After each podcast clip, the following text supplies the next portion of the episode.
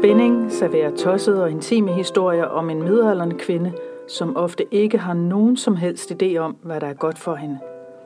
En af hendes passioner er at søge kærligheden, men da hun sjældent er særlig succesfuld inden for dette område, så undersøger hun også andre måder, hvorpå hun kan være intim med mennesker, uden at kærligheden nødvendigvis er involveret. Heldigvis så hendes mange cykler en hurtig og effektiv flugt fra at føle sig utilstrækkelig, og mens hendes bagdel bliver ganske hårdfør efter utallige timer i sadlen, så føler hun en stærk frihed i sjælen, mens hun sveder træn. Historierne er en god blanding af sandhed og fantasi, og der er ingen grund til at blive forvirret eller fornærmet, for du bestemmer helt selv, hvad der er sandhed for dig. Disse historier reflekterer først og fremmest det uperfekte menneske. Ingen er perfekt, hverken hun eller historierne eller musikken.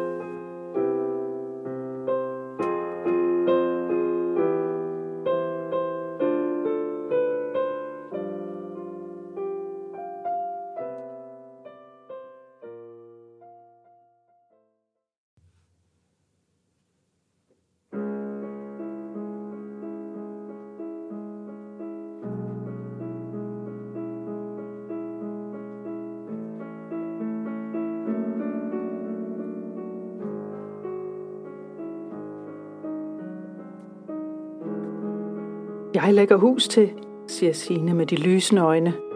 Jeg bager tærter, siger Ulla med de røde kinder. Jeg ved ikke, om jeg er tør, siger hun. Jo, jo, du gør, siger Sine. Det bliver super hyggeligt og sjovt, og vi skal danse. Jeg danser altså ikke, siger Ulla. Hun overvejer en stund, hvad det er, hun er på nippet til at sige ja til.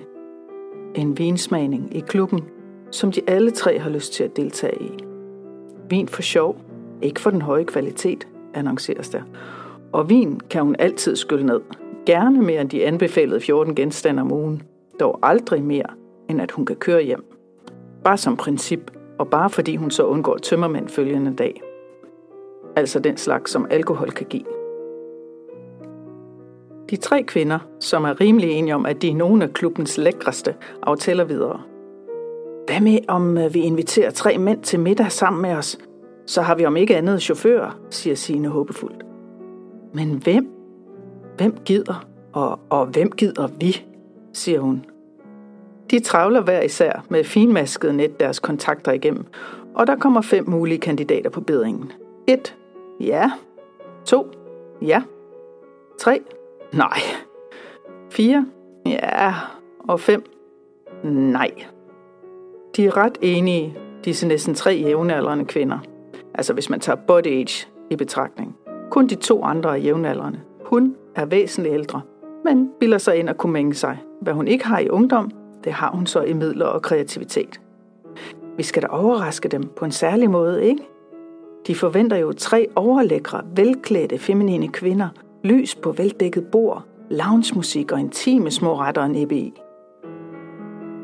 Hun vil gerne overtale dem til at prøve noget nyt. De er først lidt skeptiske, men med god overtagelsesevne og et, hvis det går helt galt, så siger jeg bare, at det er min skyld. Så får hun både Sina og Ulla med på sin idé. De tre udvalgte mænd takker lydigt ja til invitationen. Den ene kender hun fra en tidligere date. Det havde været sjovt og nært, men det sluttede igen næsten før det var begyndt. Den anden er en ven fra sejlklubben, og han kan også noget med knop. Og den tredje kender hun ikke, men der bliver sagt god fra en smarte stor firehjulstrækker. Sine har i øvrigt rost ham i høje toner. Han er høj og hot og har stadig en masse hår på hovedet. Og det siger ikke så let. De tre kvinder aftaler at mødes i god tid. Og hun har som lovet købt udstyr og udklædning, for de vil lave en ægte surprise middag for de tre lidedannende mænd. Da hun kommer ind ad døren til Sines lejlighed, vælter hun stolt og fnisende poser med forskellige ting ind på sengen i det lille soveværelse.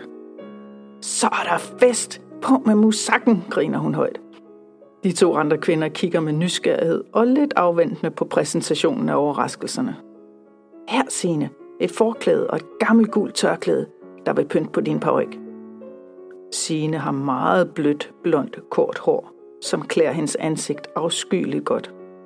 Det vil tage lidt af lækkerheden, tænker hun. Her, Ulla, det er til dig.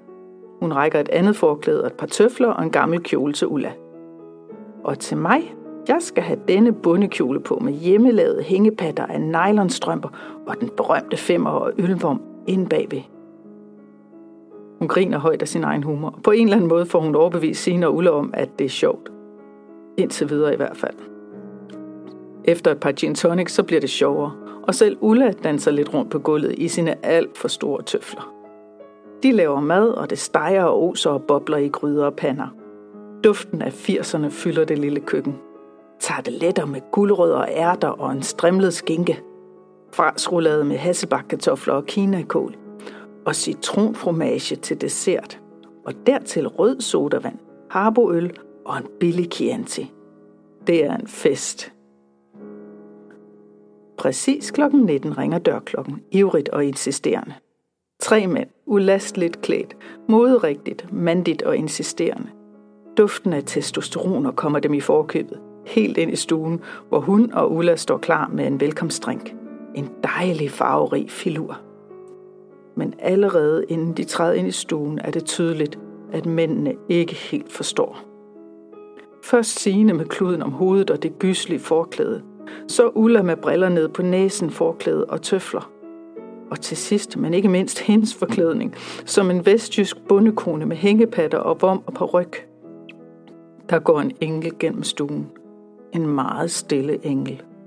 Mændene kigger på hinanden og på kvinderne. De ranke rygge er faldet lige akkurat nok sammen til at afsløre skuffelsen. Sine kigger desperat på hende. Se nu noget.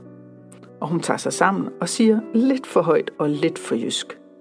Velkommen til vores fest, de her. Må vi tage deres overtøj og byde dem på en drink? Hun griner lidt fjoget og håber, at det smitter.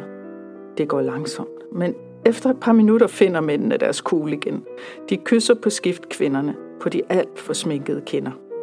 En drister sig endda til at klappe sine i numsen. De skåler i filur og kigger rundt. Hun forsøger igen at starte en samtale på tværs af årtierne, og de kære mænd bløder langsomt op.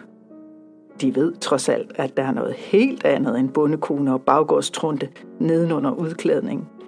Og selvom 80'ernes mad er noget, de alle lykkeligt har glemt nogensinde at have spist, så ryger det meste nu ned, skyllet ned med mere rød sodavand og billig rødvin.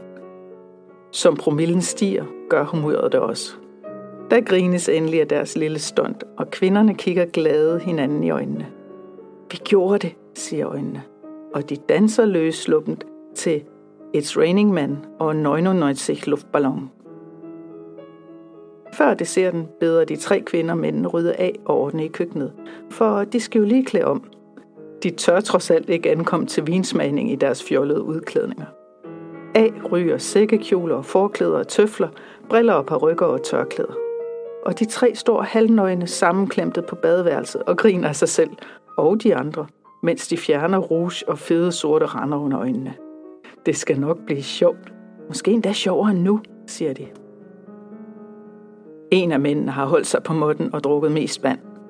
Han er nu også den mest kedelige af dem alle tre, så det er helt okay.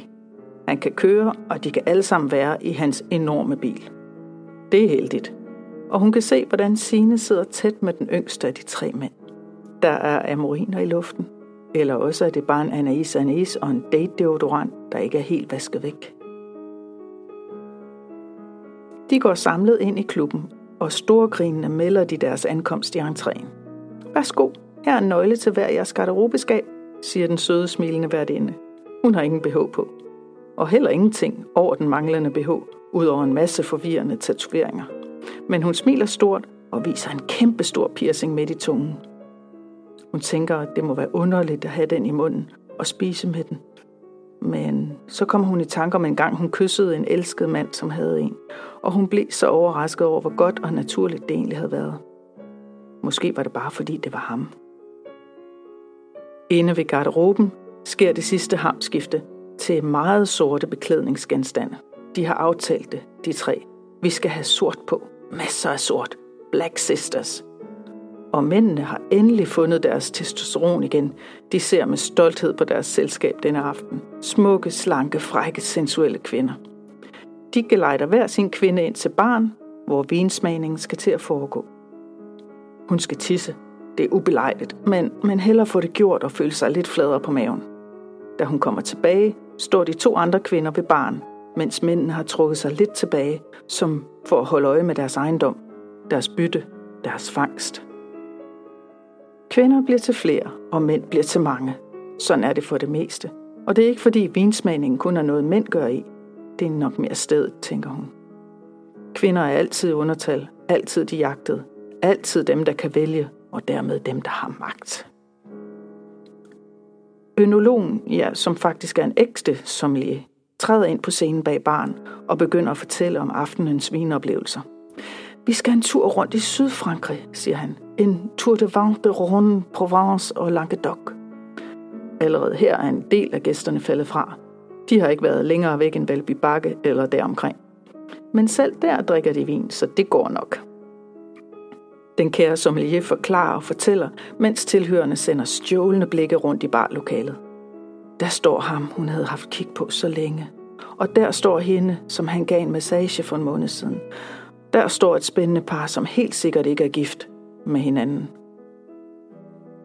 Store og små, høje og lave, tykke og tynde, og alle mere eller mindre nøgne. Den første vin skænkes op, og den følges af en til, og den skræbende sommelier stråler og fortæller og beretter og praler en lille smule af alt det, han ved. Det er helt i orden. Han får faktisk intet for at give dem denne oplevelse, udover at få lov at stå nøgen i en bar og have alles øjne delvist rettet mod ham. Og det kan sagtens være nok til mange forskellige fantasier i senere ensom selskab. De drikker og skåler, og i en pause begynder Sine og Ulle pludselig at kysse på hinanden – og sætte tøjklemmer i sines brystvorter. Hun vil gerne byde ind, og det virker som om det passer godt lige nu. Så hun niver lidt i Ullas baller og kysser og bider hende på skulderen. Det gør godt, og skulderen beder om mere. Ulla vender sig mod hende og tilbyder sine læber. De læber kysser rigtig godt, siges det. Så hun prøver og rækker sig lidt på tog for at nå. I kissed the girl and I liked it. Det var blødt og med en smag af den sidste Bordeaux og jordbær læbepomade. Sådan kysser de et minuts tid, og de tre kvinder er let filtret ind i hinandens berøringer, indtil hun får øje på et par meget skulende sorte øjne ved bagvæggen. Det er manden, som ikke drak så meget. Han er til gengæld fuld af skuffelse nu, og en lille smule rasen over udviklingen. Det var vel ham, der skulle have kysset på Ulla nu. Også sine date har et ikke helt balanceret syn på tingenes tilstand. Han hænger slapt og kigger rundt på alt muligt andet end begivenheden foran hans næsetip. Den tredje mand er gået på toilettet. Der bliver han et stykke tid. Han holder nok ikke ud at være skubbet ud, så han går hellere selv først. De stopper deres kysseri, hun tænker, at mændene vil finde deres kugle igen, når de ser det bare for sjov. De tre kvinder filtrer sig ud af hinanden og får et par vine mere i hænderne rækker ud efter de mænd, der gerne vil være med, og får på en måde genskabt en balance. Hun får en fremragende idé. Den kære unge sommelier bag barn skal da have en udfordring. Den slags, som de alle kan få et smil på læben af.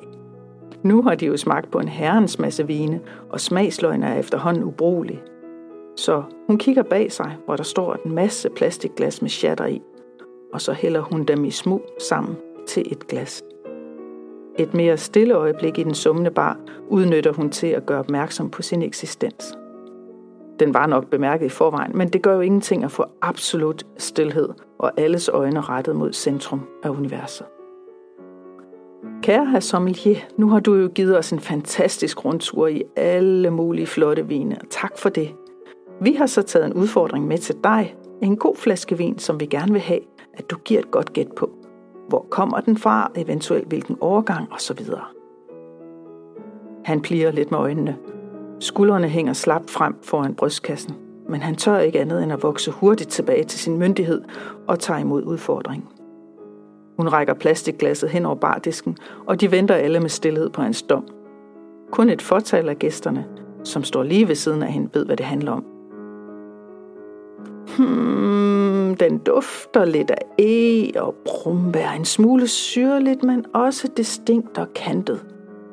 Han tager sin tid med at dufte. Skyld nu ned, tænker hun. Han gurler lidt i dråberne og sluger så en mundfuld. Kigger lidt efter tænksom ned i glasset og over på hende.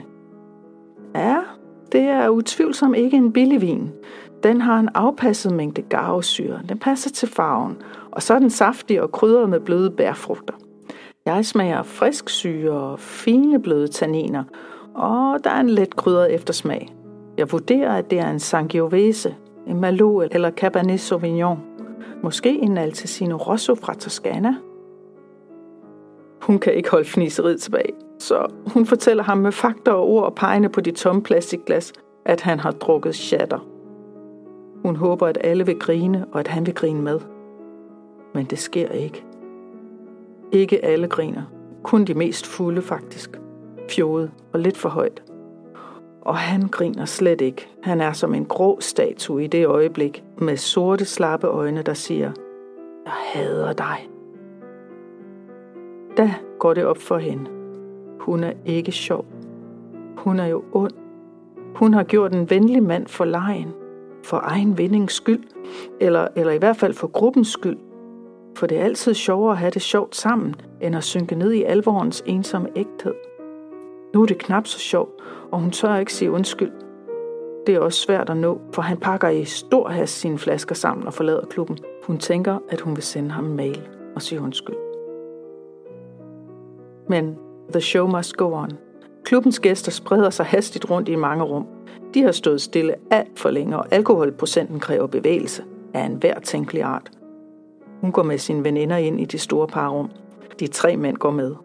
Hun orker ikke mere leg. Ikke mere røren ved nogen eller blive rørt ved. Ja, sådan kan det gå, når man har ødelagt den andens aften. Nemesis sørger for, at ens egen også går i stykker. Så hun sidder og kigger lidt på deres leg og på de andre, der vælter rundt i hinandens krop. Der slikkes og kildes og vises frem og stives af. Og det hele er en anelse ligegyldigt lige nu. En af mændene nærmer sig og vil hægte reb rundt om hendes krop for at få sanseligheden i spil igen. Hun siger nej tak, men hun får lidt ondt af ham for han vil jo så gerne bare lege og leges med. Så hun giver ham et blowjob, så bliver han sikkert glad. Nej, nej, han bliver vred, han bliver sur, han skælder hende ud, for nu kan han jo ikke lege mere den aften. Men hvorfor sagde du så ikke stop, siger hendes øjne. Det kan mænd ikke, siger hans tilbage. Og så skilles øjnene, og hun forlader de svedende mennesker og overlader dem til deres nydelse. Bussen er stadig gul og kold, og toget står stille i Kokkedal i en time, fordi en anden stamme er faldet hen over sporet. I morgen er en ny dag, tænker hun søvnigt, og uden at være opstemt over den tanke. Der skal formentlig mere end en dag til at rette op på den kantrede skude.